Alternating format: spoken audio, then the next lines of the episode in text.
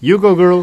Živijo in zdravo, podcast o medijih, dobrih in slabih praksah, novih tehnologijah in trendih prihodnosti. Z vami, kot običajno, Nataša Briški, Metina Lista in Aljaš Pengov Bitenc, Radio Chaos. Aljaš, zdravo. Živijo. Um, dosti intenzivne epizode smo imeli v prejšnjih mesecih. Um, volitve, ne, uh, lokalne, uh, si si kaj odpočil? Ja, eh, recimo, da bomo imeli krajši predah, ker se že začenja nova kampanja za evropske volitve. Ampak res že odštevanje. Ja, 23. Ja, maj, pred- ne, se Ja, začne. in pred nekaj tedni sem, sem uh, uh, videl neko statistiko, da bi 30 odstotkov ljudi več se zanesljivo udeležilo evropskih volitev, če bi imeli več mm -hmm. informacij. Ja, se bova Ja. trudila v najnem drugem podkastu, ki ga delava, Evropski četrti, ja. da pripeljeva več teh informacij. Ja, sem tudi jaz videla to raziskavo. Zanimivo. Pa če bi bilo več mladih, ne? Mislim, da če ja, bi še več mislim, mladih kandidiralo. Odgov odgovornost, ki jo nosiva, je. je, Je, je ja, le, kar, kar vleče me mal dol. Um, Nač, greva epizoda, a ja, uh, seveda, admin se na začetku, prehitra ja, sem, ne. ja.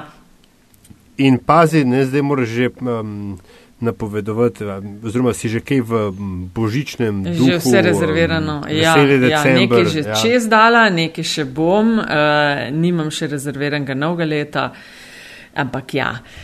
Um, za metin čaj, kot običajno, mi dva zalažen sva na Afna Pengovski oziroma Afna DC43. Um, Ful sva dobila pohvale, oziroma najna gosta tudi ne, za lokalne volitve Antiša in Andraš. Do fantastikus, ja. kot mu ti praviš. Tako. Zelo sta.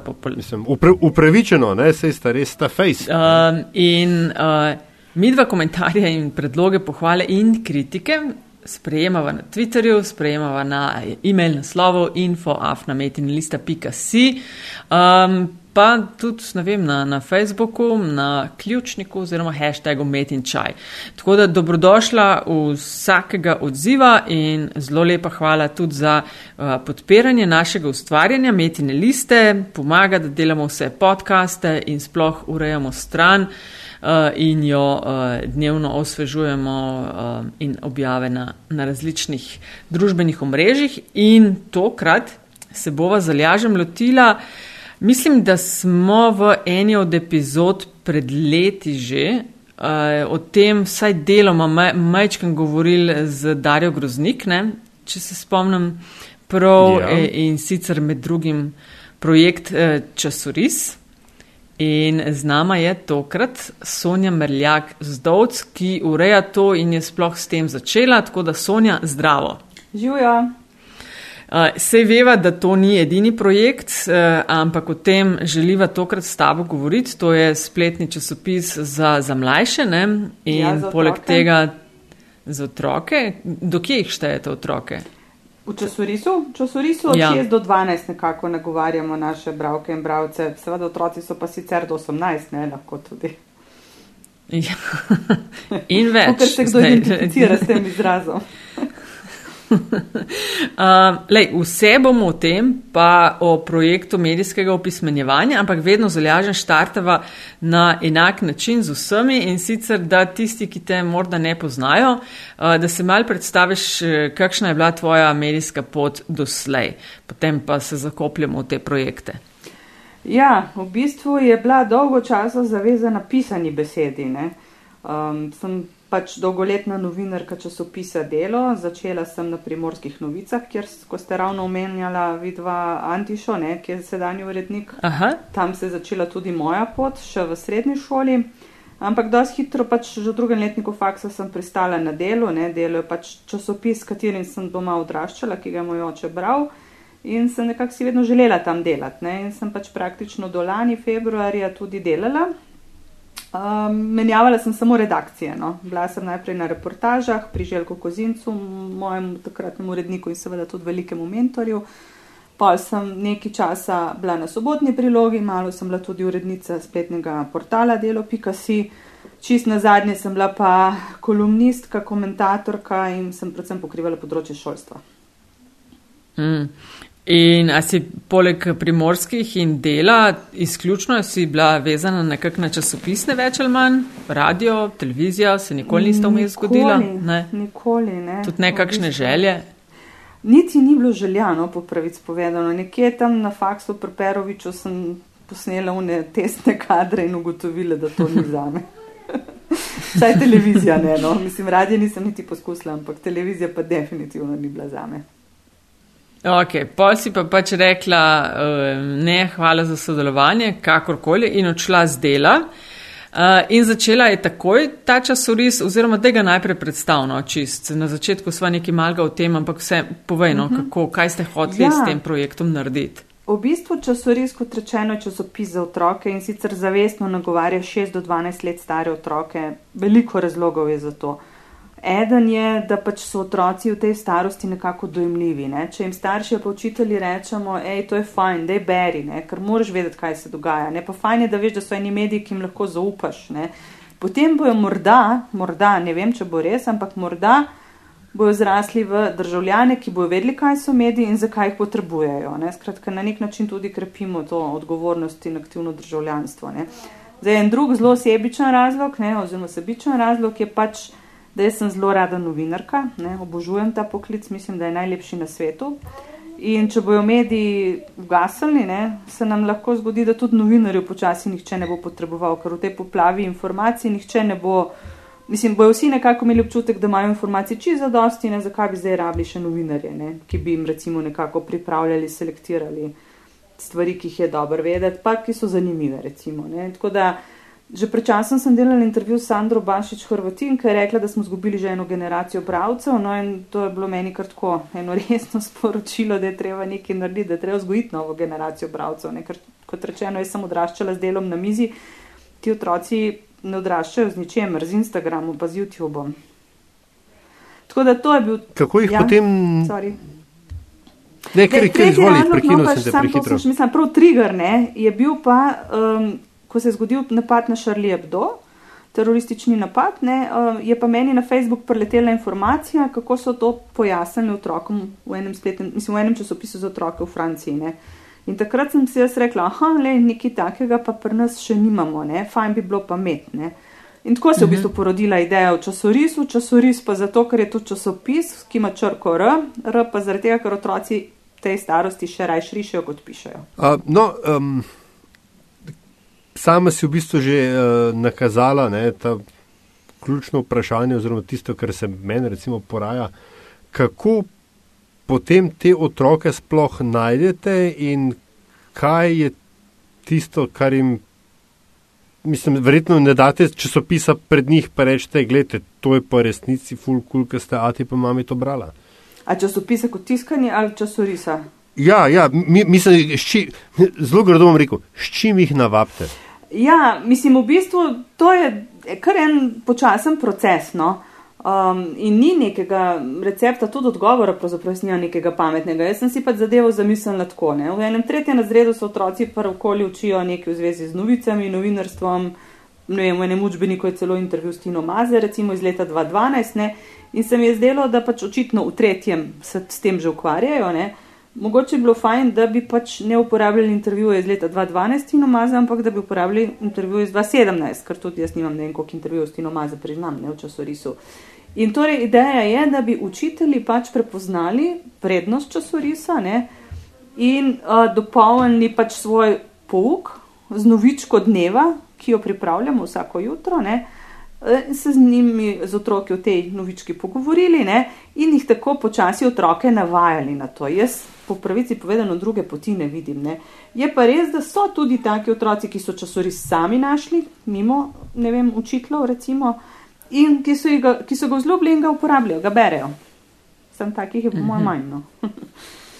Dej povej, kakšen je vsebinski koncept eh, časorisa. To se mi zdi zelo fajn, kar si poudarila med drugim, da, da tudi po intervjuju z Bašičevo, da je očitno ena luknja nastala in da je mhm. treba delati na tem, da, mhm. da, da bodo mlajši znali brati ali pa ne vem, tudi znali uh, ločiti zrnje od plev. Ja. Kako si ste vsebinsko zastavili? Ja, v bistvu je to čist um, časopis, resen časopis za otroke. Ne? Skratka, vsebina in koncept pač nekako zrcali. Ne? Razlika je samo v časih izboru vsebine, ne? se pravi, recimo, ne vem, če se dogaja hkrati ne vem, neka strašna politična tema ala Brexit, recimo, pa hkrati ne vem, debato o sovražnem govoru, pa hkrati nek pristanek roverja na Marsu, ne? izbira Mars, zato ker otroke vesolje zanima. Ne? Vse tri teme so pa zelo pomembne ne? in verjetno so v medijih vse tri enako predstavljene, ne? mislim, imajo enako težo. Ne? Um, mm -hmm. Tako da jezik je pol druga stvar, na katero pač uh, ne, smo pozorni. Ne? Uh, zelo pa. Skratka, oprosti, je... ker prekinjam, ja. ampak.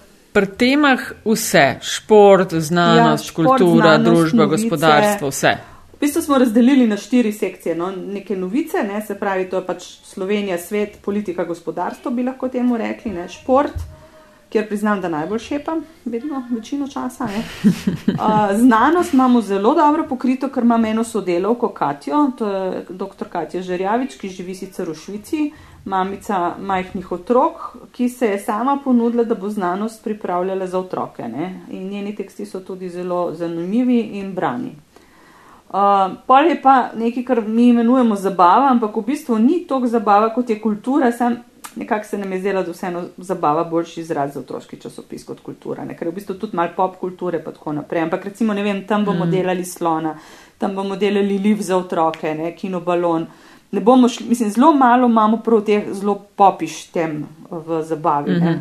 Ker se mi zdi, Kim da je to. Kaj, kaj se gleda? v tej starosti. Prosim? Kim Kardashian ali ne vem, čale sale ali kaj popularno. Ne, tej... celo premajhni, ne? ampak kaj zdaj, kakšni priljubljeni youtuberi ne bi lahko bili tam predstavljeni, pa smo imeli samo en tekst na to temo. Ne?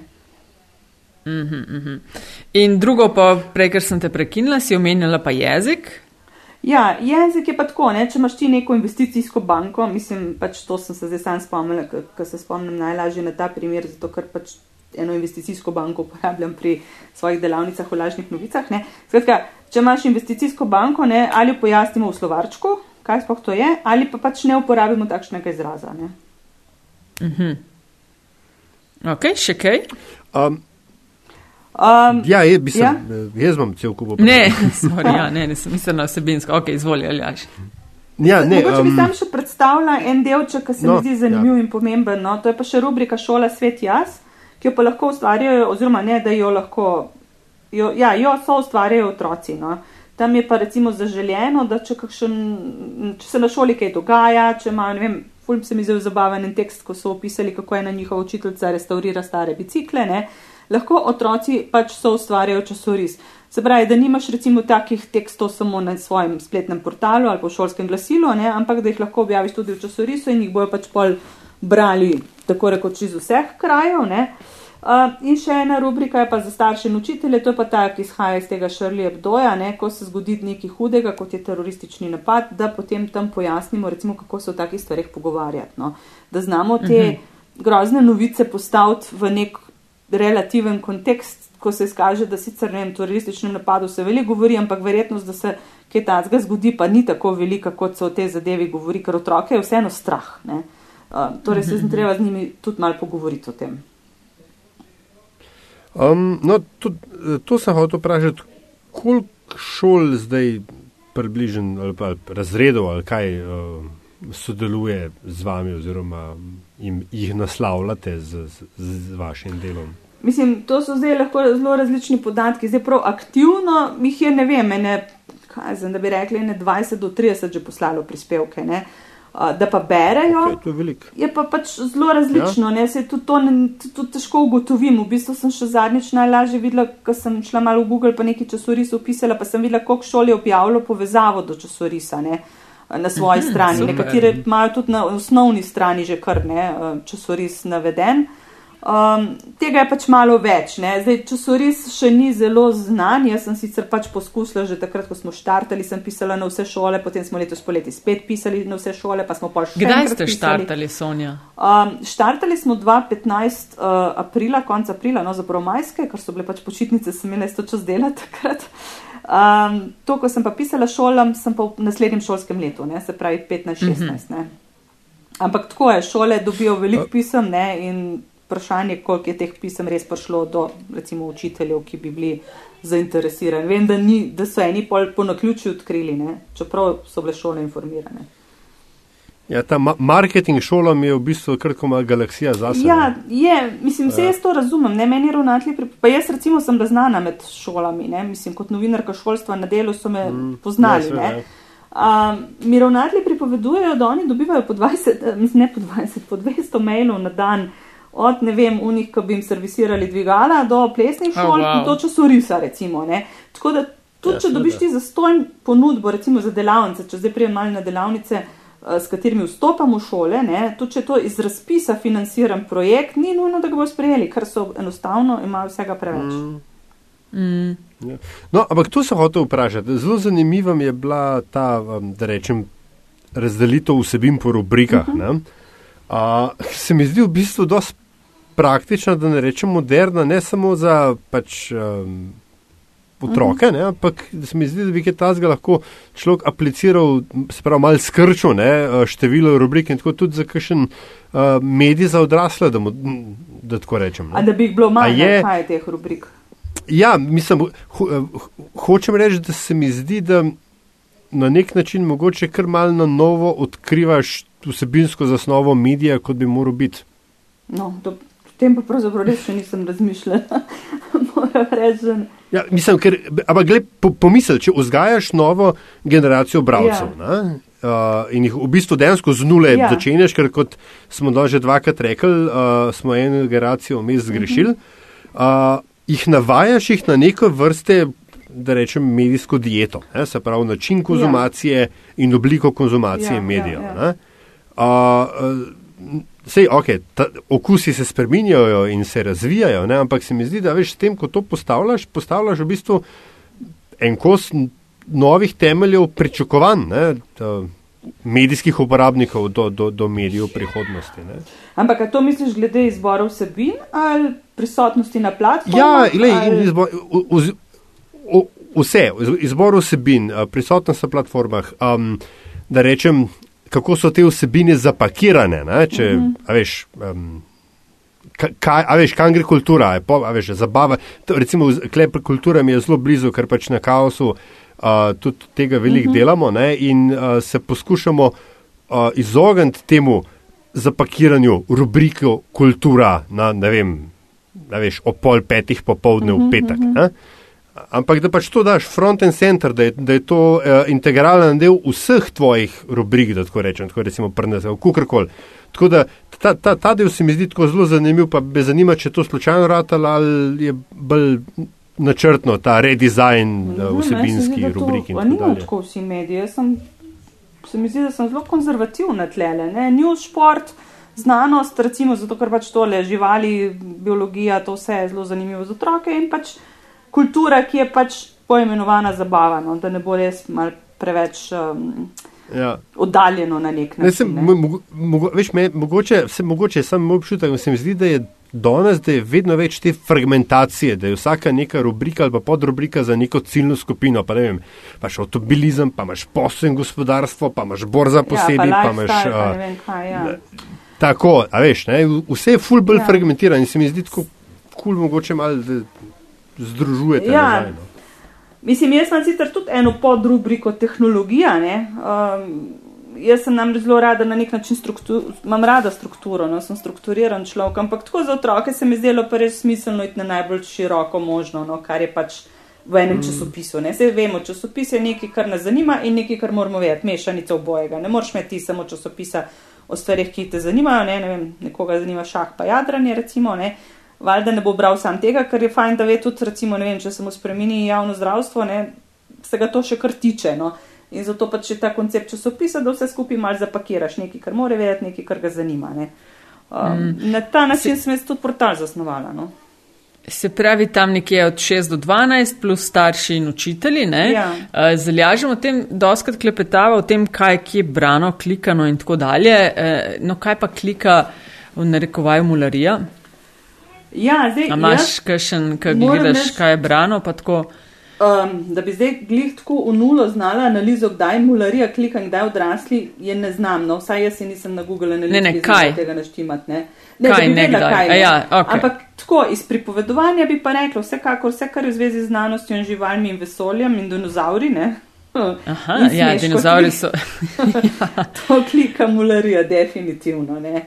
Um, druge stvari so pa že malo bolj mogoče ali v šoli prek učiteljic, ne, ki pač se pravi, zjutraj ena novička na dan, lahko se o njej pogovorijo. Ne.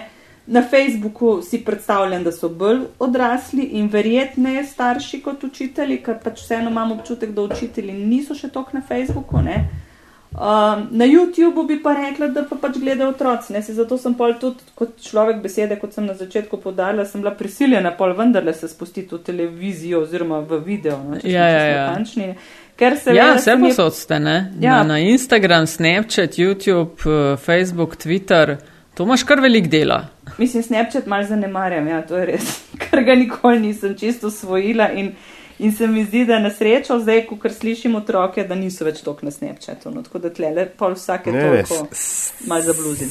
Snap, snap gre Ja, dol, jaz sem ga kakšno leto nazaj že pokopala, ampak takrat se spomnim, so me malo ustavili in kazali neke raziskave, da ne, da mal širijo model in predruga čujejo, kaj ponujajo, ampak eh, ne vem, ne vem če no. No, ni, ne? ni ratelj. ratelj. Mislim, Okej. na mojo srečo ne, ker Um, jaz ga nisem usvojila, no, pravic povedano. Jaz le sicer sem napisala, da sem zraven vsake toliko tudi kaj, tam en snap gor, ne. Ampak ni pa to res moj medij, no, moram reči. Pač pa je YouTube tisto, kar sem bila pa prisiljena se lotiti, ne, zato ker, ker kot rečeno, meni pač le enkrat prešilno, da otroci pač mojih tekstov valjda naj obrali, ne. Mislim, razen če jih učiteljice pač malo nagovorijo, ne.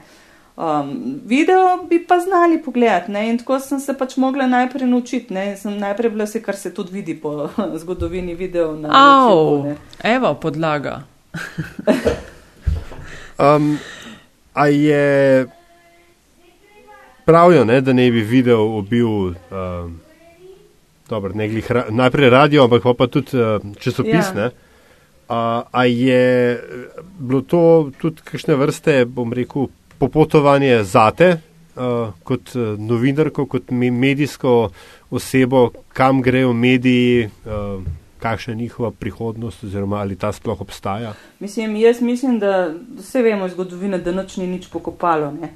um, da se vse skupaj dopolnjuje. ne. Um, jaz pač ravno tako dopolnjujem. Ne? Jaz objavim video na časorisu na kanalu YouTube, dodam pač neki teksta, povezavo na časoris portal in obratno, ne? dam članek v časoris in YouTube. Ne?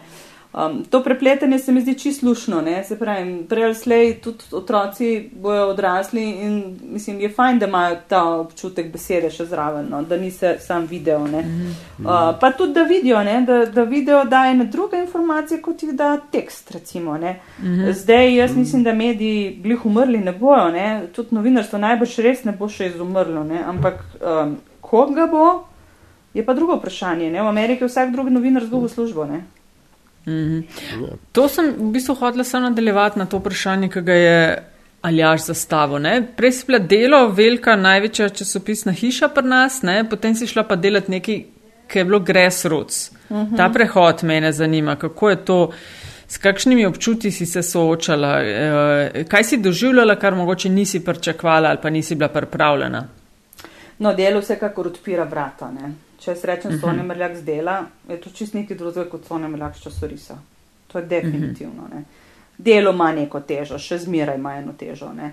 Um, kar je pa dobro pri časorisu, je, da sem pa sama svoj gospodar ne? in da delam točno tisto, kar res hočem. Ne?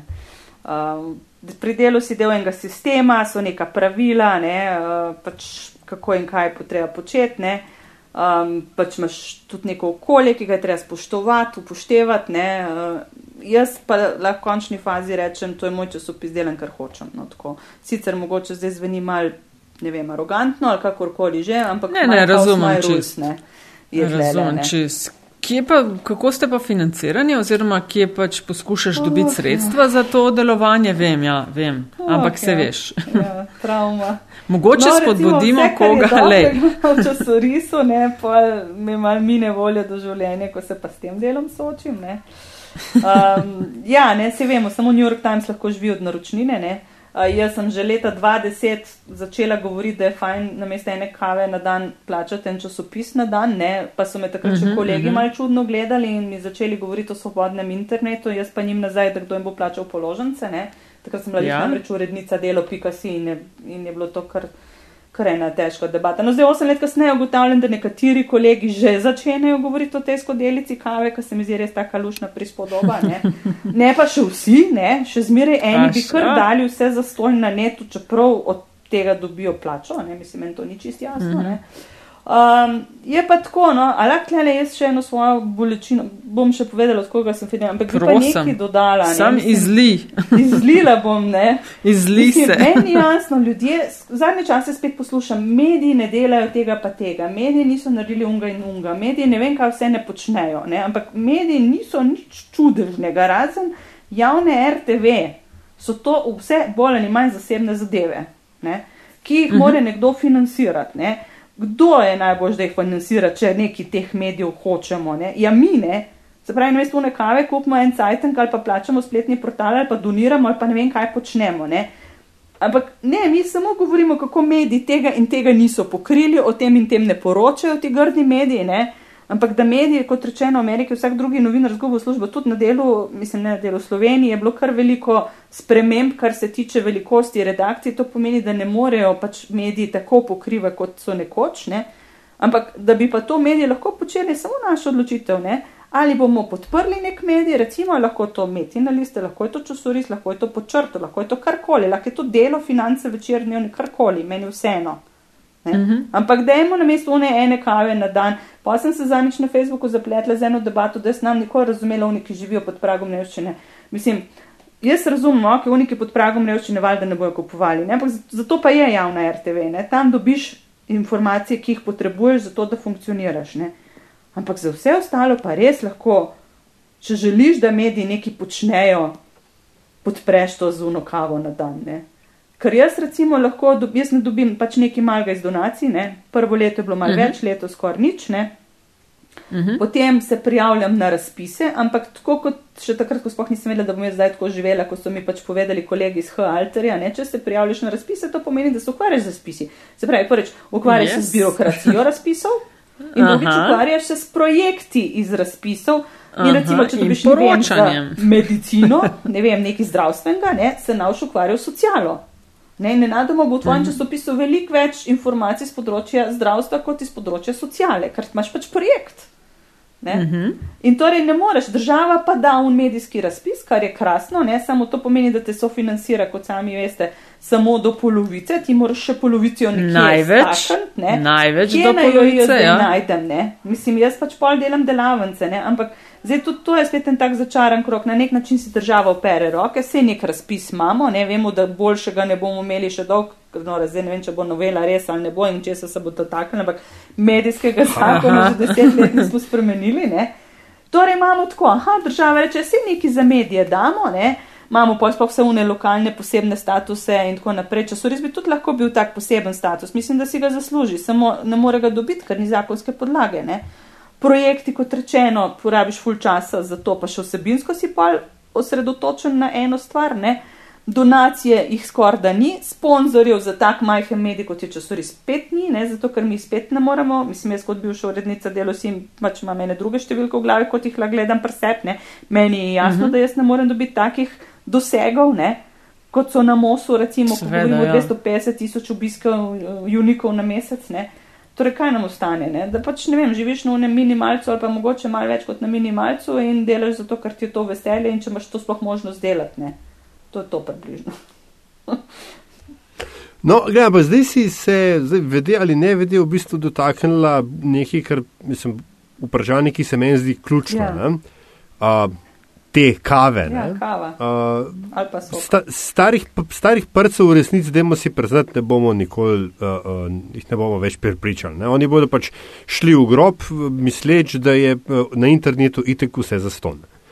Uh, ampak otroci, Ja. ja. njim, njim pa lahko razložiš, da je tukaj vzročno-posledična Ja, se povezava. jim poskušam. Ja. Da, No, to me zanima, kako se na to odzovejo, ali to razumejo, ali, ali je, je še hujš, kot je bilo pri nas. Mislim, veš kako, otroci, mislim, otroci, kako ne rečem, nekaj stvari jim poskušam razložiti. Ne? Tako kot jim recimo poskušam razložiti, da je fajn hoditi v šolo. Ne? Sam to je zelo težko. Ne? Naši otroci zdaj pa kakorkoli že so na nek način zelo razvajeni, bi lahko rekli. Ne? Njim so človekove pravice samoumevne, njim je šola muka. Ne? In jaz jim težko mhm. rečem, ne, zakaj so mediji pomembni, recimo, da se vam zgodi, da vam ukinejo dostop do šole. Ne? Ker se je že dogajalo, da smo v tej debati prišli do tega, da ja, bomo šli pa pod most. Ne? Mislim, ker, ker, ker, ker nam šola nič ne pomeni. Ne? In pa jim poskušam razložiti, da je malala, ne? ki jo imamo tudi v časorisu, ne? bila ustreljena za svojo pravico, da lahko gre do šole. Ni pa vso tako. Pol mal tako, no, začnejo, a res ne to, a, da, da ni to tako. Aha, ok, ne, polka enostavno malo upam in začnem razlagati, ok, če ni medijev, ne, potem tisti, ki nekaj hočejo spremeniti, spremenijo sebi v prid, recimo, ukinejo javno zdravstvo, ki je pač aktualno, Brexit in tudi namreč na delavnicah omenim. Pol jim to malo razložim na otroški način, ne? ampak recimo Brexit je bila, da mm. rdeč avtobus, da mu financirati javno zdravstvo, pa tudi pri nas na volitvah je bilo yeah. Ja. tako, ne? javno zdravstvo, čakalne dobe. Se nekateri vse vejo o čakalnih dobah, ampak to so spet bolj ta redki. Ne? In pa rečem, že prav moram iti tuno, le si, zlomiš si nogo, bolite. In ne moreš iti zdravniku, ker ni več javnega zdravstva. In takrat še le malo začnejo, ne tako, aha, ojej, ne. Tako da je mhm. težko tudi to kavo razložiti. No? V bistvu jim je vse na nek način težko razložiti. No? Ker to, da smo skupaj z Norveško državo, kjer je najbolj biti otrok, ima pa tudi drugo ceno, ne? da je nam vse samo umevno. Mm. No, si pa omenila zdaj v tem odgovoru tudi delavnice. A so to projekt, namreč, ki ga ti tudi vodiš in, in pelješ dalje, je medijsko opismenjevanje ja. Eh, mladostnikov ali mlajših ali kako, kjero starostno skupino poskušaš doseči? Um, v bistvu kar vse lahko, mislim, dosegam. Ne? Uh, mislim, razvili mm -hmm. smo delavnice za vse, ampak seveda najbolj smo se. No, da jim malo več povej o tem ja. sploh, zakaj gre in s kom to delaš.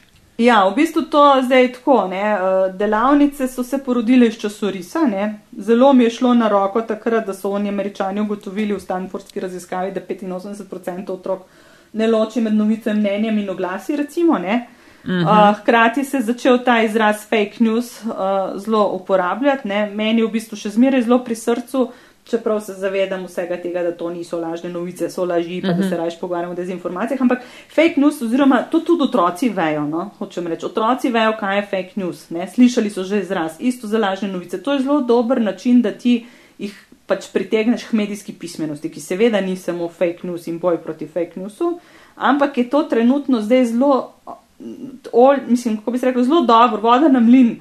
Uh, vsem tistim, ki se prizadevajo za medijsko pismenost, ker to je so nihanja. Ne.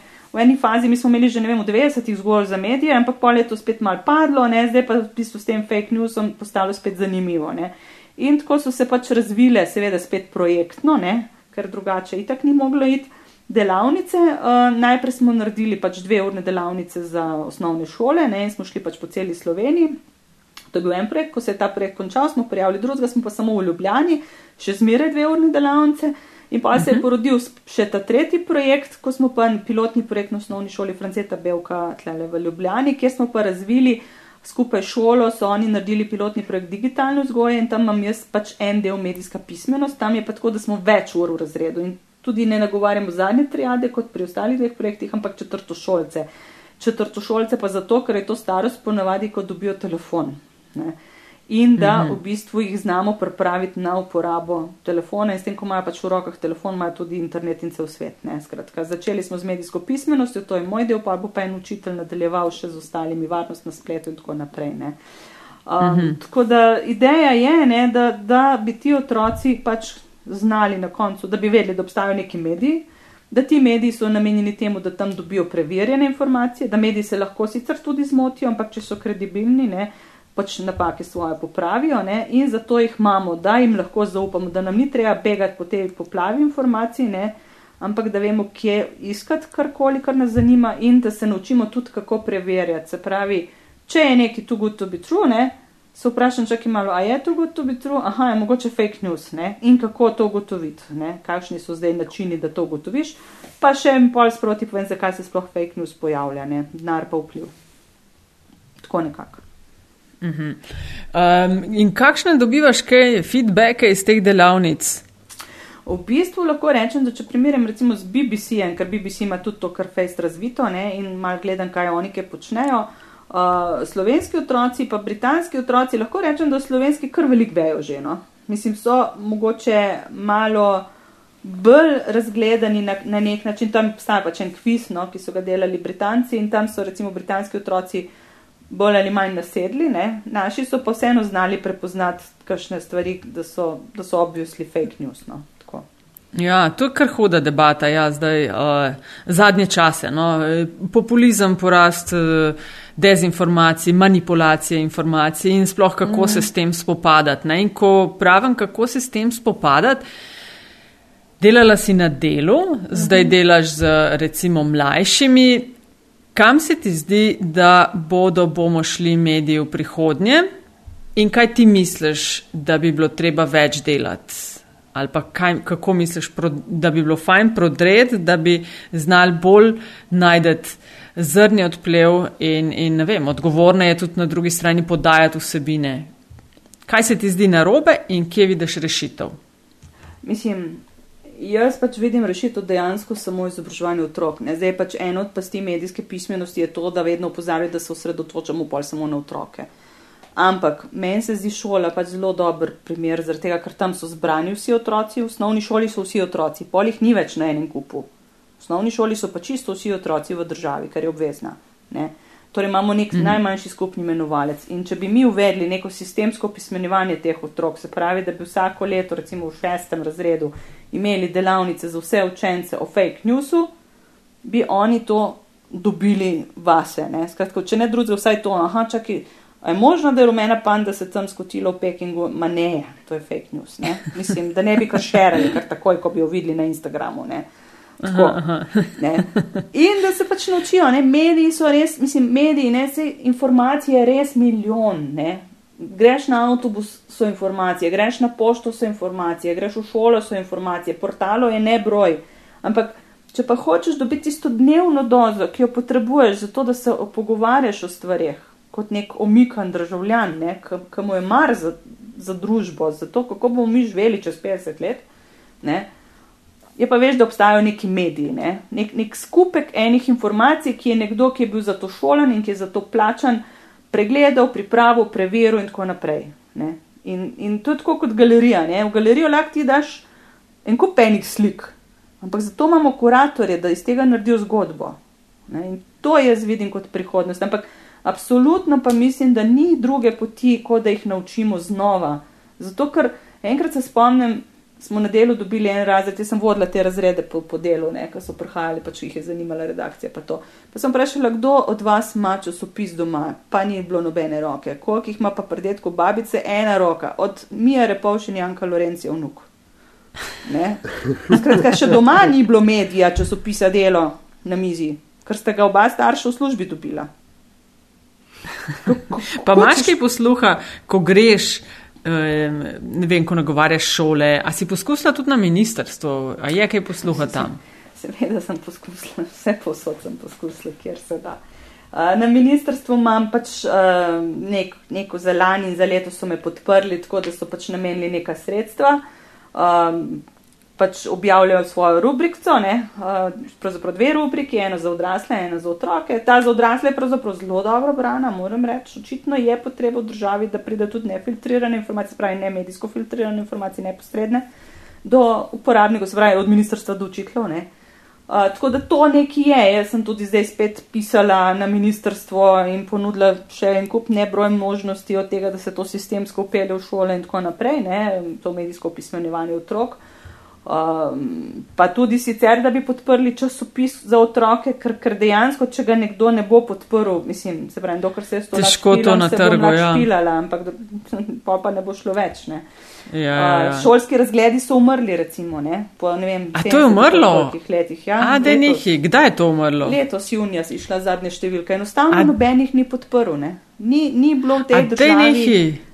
A tega pa nisem vedela. Za časopis za učitele. Ne, tudi učitelji sami v končni fazi niso naročali tako množično, da bi lahko preživel. Ne. Zato pravim kava. Ne. Tista kava je zelo pomembna. Ali je pa mogoče problem, ne sej govorimo, veš, tista kava ali pa šolski razgledi, ali je pa mogoče bil problem, kako se je delal. Ne vem, ne poznam tako dobro, no, sem vedela sem, da so, nisem pa vedela, da jih ni več. No. Ja, tudi tud, če niso mogoče Ne vem, lej, toliko korak je- s časom, kot bi si kdo zamislil, da bi morali, čeprav so bili na Facebooku in vse je spet tukaj zgodba v zadju. Ne? Enostavno v enem trenutku ti zmanjka moči in pa ne moreš več iti v korak s časom, recimo. Ne? Tudi to je lahko razlog. Ne? Ja, ja, ja. Um, šolski razgledi so bili tiskani ne, in bili so na Facebooku in imeli so eno spletno stran. Ne, verjetno niso bili tako agilni kot kakšni zelo čist spletni mediji ne, v tem smislu, ampak so pa imeli nek, mislim, imeli so pa kontent, imeli so pač uh, tudi publiko v končni fazi, ampak niso imeli pa nobene podpore, nobenega v državi. No, Ja, ja to, to je težko, ja, da, da se na trgu takšni projekti obdržijo. Ja. No, mi dva vsekakor zalažem, upava, da bo kakšen več zvedel za časoris in Ja. uh, v, mogoče v kakršni koli uh, obliki podprl delovanje. Mimo grede, a lahko um, zaustvarjate ti, plus še imaš um, druge avtore oziroma avtorica, to tudi mlajši lahko pišejo, poleg samo tistih otrok. Uh, ta ciljna skupina 6 do 12, ki si rekla, da jim je namenjena. Lahko to tudi kazen, kakšni gimnazici. Ja, ja, se pišejo tudi gimnazici. V rubriki Aha, je je svet jaz ni omejitev. Ne? To je samo ta Mhm. omejitev, je samo v tem news delu, ko si jaz zastavim, kako bom napisala novičko, oziroma ko kolegicam razlagam, Aha. Aha. kako naj jo napišejo. Ne? Vedno znova se vračamo do, do uh, mlade publike, ki upamo, upaš, ne, da bo pač konzumirala medije, um, ko, ko bo odraščala. Z, zdaj smo gledali skozi en konc, uh, uh, se pravi, kakšni te mediji so, ampak kakšna je ta publika? Ti imaš zdaj tak dost unikatno pogled v, v mlade ljudi in njihove, njihove medijske, medijske navade. Kaj lahko mediji, slovenska medijska krajina pričakuje, da bo, oziroma kakšni bodo njeni uporabniki čez, kaj je to, 5, 6, 7 let? Mislim, jaz bom tako rekla, ti otroci so vsi na YouTubu ne? in nikjer druge. Gledajo influencerke in nič drugega. Mogoče še kakšen challenge ali pa kako kdo drug igra Fortnite. In če PewDiePie reče, da je direktiva o evropskih avtorskih pravicah, ali kako se že kliče ona direktiva, brez veze, Čakaj, je sicer zelo pomembno se zavedati, ne, da PewDiePie ima vem, enih 75 milijonov, kaj pa je jih ima. Čakaj, no, kdo, je- kdo je. PewDiePie? Ja, PewDiePie, no vse kdo je PewDiePie, no, če boš vprašal otroka, Se bo ve- vsi vedeli. to je zelo priljubljen švedski YouTuber, ne, um, ki se malo ukvarja med drugim tudi s Fortniteom, ne, zato sem pač tako sem jaz prišla do njega, ne. Um, in PewDiePie je objavil, ja, da ta direkto, direktiva ni ok, da, da, da bo konc open interneta. Ne. In jaz zdaj otrokom razlagam, ne, ok, PewDiePie je to objavil, ne, je hkrati jim tam primer, recimo, ene, une, neke pač, ki je pela s kitaro na ulici, ki je razlagala, ki je napisala pesmico, da ona pa bi dobila rada denar od svoje pesmi, ne, in se mi tako postavlja skupaj, ne, tukaj ti PewDiePie pravi open internet je, ne, Una pravi, da bi rada denar za svojo pesem, ne? mediji ti bojo pa razložili zgodbo okoli tega, tako jim poskušam to predstaviti. Recimo? Ali 75 ali jaš, 75 milijonov naročnikov, PewDiePie. ja, in vsako epizodo začne najprej z mrčem, ne? ker tudi on prodaja majčke. Ne? Ja, seveda. fazi. Pa dobiva denar od YouTuba, recimo. Ne? Ja, ja, Uh, ja. Skratka, njim je ja valjda v interesu, da je open ne, in da ni nobenih avtorskih, ker potem oni dobijo pač iz oglasov veliko denarja. Če pa ti mladi začetni glasbenik, ne, bi pa verjetno tudi rad od svoje pesmi kaj dubo, no, se mi zdi, ne. tako kot bi jaz rada od kakšnega članka v časorisu kdaj kaj dobila ne, in od tega živela. Ne. In to jaz otrokom poskušam predstaviti, da dam PewDiePie pa uno glasbenico in medije, ki jim nekako to zgodbo lahko razložijo. Ne. Ali pa um Brexit, ki sem rekla, da bom povedala, kaj naredim. Pa rečem si, predstavljate, da na tem Brexit avtobusu, rdečem simbolnem, ne, piše ena laž, otroci niso utrujeni, da jim ukin počitnice. Pa pa se začnejo malo razburjati. In pa jim rečem, ja, fajn, ne, super, boste šli protestirati, jaz vas čist podpiram pri tem, ne. Ampak kako ste pa za to zvedli, če ne boste mal spremljali medijev, ne? da se mm. to dogaja? Ti dej, da se, da se updateava, da mi pove, kje so kaj uh, influencerke. Ja. no, mislim, jaz recimo mislim. PewDiePie sem že evo ga dala na roči. Rebeka JT, na ZYT, to je pač ena fajn punca iz Poljan, z gimnazije Poljane, to je res taka oh. punca, ki jo bomo. Poljane so fajn Ja, gimnazije. Ja, ja itak. Ok, vidim. Um, skratka, z Rebeko sodelujem jaz zdaj pri enem projektu, recimo, ne. Super, Reci ne 25 na cilju. tisoč. Avč. Ja. Jaz, to, jaz se upravičujem, če se kakšni zvoki pojavljajo vmes, to mečkan browsem zdaj po YouTubu. Vidim, To- Rebeka. To so, zvo, to so zvoki To tvojih, res. tvojega Ja, šokiranja. po Gucciu še to. Recimo, ne, Rebeka mi je bila tako lušna, ker je rekla, da tako je full razlika, a veš, a, a napišem, mislim, naredim vlog ali naredim challenge, ne, zdaj tako sem se mogla izpola update, kaj sploh to je, zdaj ta razlika, ne. Ampak, a veš, če naredim challenge, imam 100 tisoč ogledov, če naredim pa vlog, pa sem 20. Jaz pa uno Challenge je pa kaj? Jedva prijem na 5000, ne, z oglasom. Challenge je, da recimo nek challenge izziv, ne, se to je Aha. zdaj pač. Če pač, se. Aha, Recimo, okay. ne vem, kakršen koli challenge, nekdo bo naredil Aha. boljšo pico ali pa ne vem kaj, ko se pol med sabo influencerji povabijo, pa ne, ali karkoli. Že recimo, ne vem, sam mimo grede, ne, ti challenge, na to je treba biti tudi pozoren in to ful premalo vemo, ne. Tudi učitelji, ko sploh marsikaj ne spremljajo, ne. Naša tršica Nina, če se smem pohvaliti, no, oziroma njo pohvaliti, ne mene. Uh, mi imamo rubriko Tršica Nina, ki je namenjena otrokom kot nek egon jaunt, ne, piše jo učiteljica Nina Jelen iz pač podružnične šole pod Kum in ona je dobila prejšnji teden Evropsko nagrado, glasovali so ljudje, torej Evropsko nagrado so jo izglasovali za svoj projekt Varno na netu, ne, ki ga je naredila za svoje učence. Ne, tako da vse pohvale moram reči. No. Aljaš, min grede, ne? Challenge, Rebeka. Ja. Drinking toilet water. Ja, se da, to je edino, kar mi ni najbolj. Ja, čeprav Saj sva sem- imela nekaj saj je- malo, ne? Saj je čista. Ja, Kaj? ne, se je, se je, ampak No. tako, sam za primer. A, ok, le, viš, Nina je pa super, sam to rekla, da so ravno zdaj, ko so imeli to podelitev nagrade za internet, no, prejšnji teden v Bruslu, so se ravno pogovarjali, kako je zdaj s temi challenge in kako mi odrasli premalo vemo o teh challengih. Ne? In recimo en challenge, ki kruza vsake toliko po netu, ki ni tako nevaren kot uni, ne vem, da poješ limone ali pa koga vsekaš na obraz, ne. Ampak challenge je, da poslikaš svojo nepospravljeno sobo. Ne? In Zdaj, koliko se otrok zaveda, da s tem pa res veliko podatkov da mora biti nemu lomilcu v končni fazi. Ne? Uh -huh. Da ne govorimo kaj hujžga. Ne? Na srečo v Sloveniji nimamo takih tok ne, problemov s kakšnimi pedofili in podobnimi zadevami. Ne? Ampak ne, koliko staršev ve, da obstaja challenge, poslikaj svojo sobo ne? in da pol otrok in staršev ne ve, kako se izključi geolokacija in podobne zadeve. Dobro, se če daš na Facebook, se ne vidi, ker Facebook metadata popere, ne? ampak vseeno. Ja, neč Nataša, očitno bomo morali iti vlo, uh, v podkaste, ne? oziroma videokaste je delati na YouTube. Challenge, deva, deva razmišljati do naslednje epizode za challenge. Meni je pa to zdaj ful zanimivo. Challenge. Jaz ga imam. Tam je je tako že bolj, a veš, za starške, koliko časa lahko zdržiš, ne da bi šel na WC. Ja, Guči, ja, ja. koliko časa lahko zdržiš? Guči, da, Guči, da ne bo pokučeno. Ja. kako Ne, lahko uh, greš na vece, ne da bi kakšen otrok prišel za tabo. To je tudi recimo challenge. Veš kaj, to je pa še, To pa to je pa še zadnje pribežališče staršev. Ni, tako ni, da- če imaš zelo majhne, a nimaš ti majhnih ali Ja, ja imam, imam, ja. Moje nikoli ni bilo. Jaz, jaz se zaklenem Ja, ja. noter in pa sam še upijem iz stranišča. Jaz se sam juderem, da pejte že Pa pa, pa snemaš drinking toilet water challenge. Iz, iz, iz čiste, čiste groze. Dobra, dobra, Sonja, super. Lej, zanimivost pred zanimivostjo.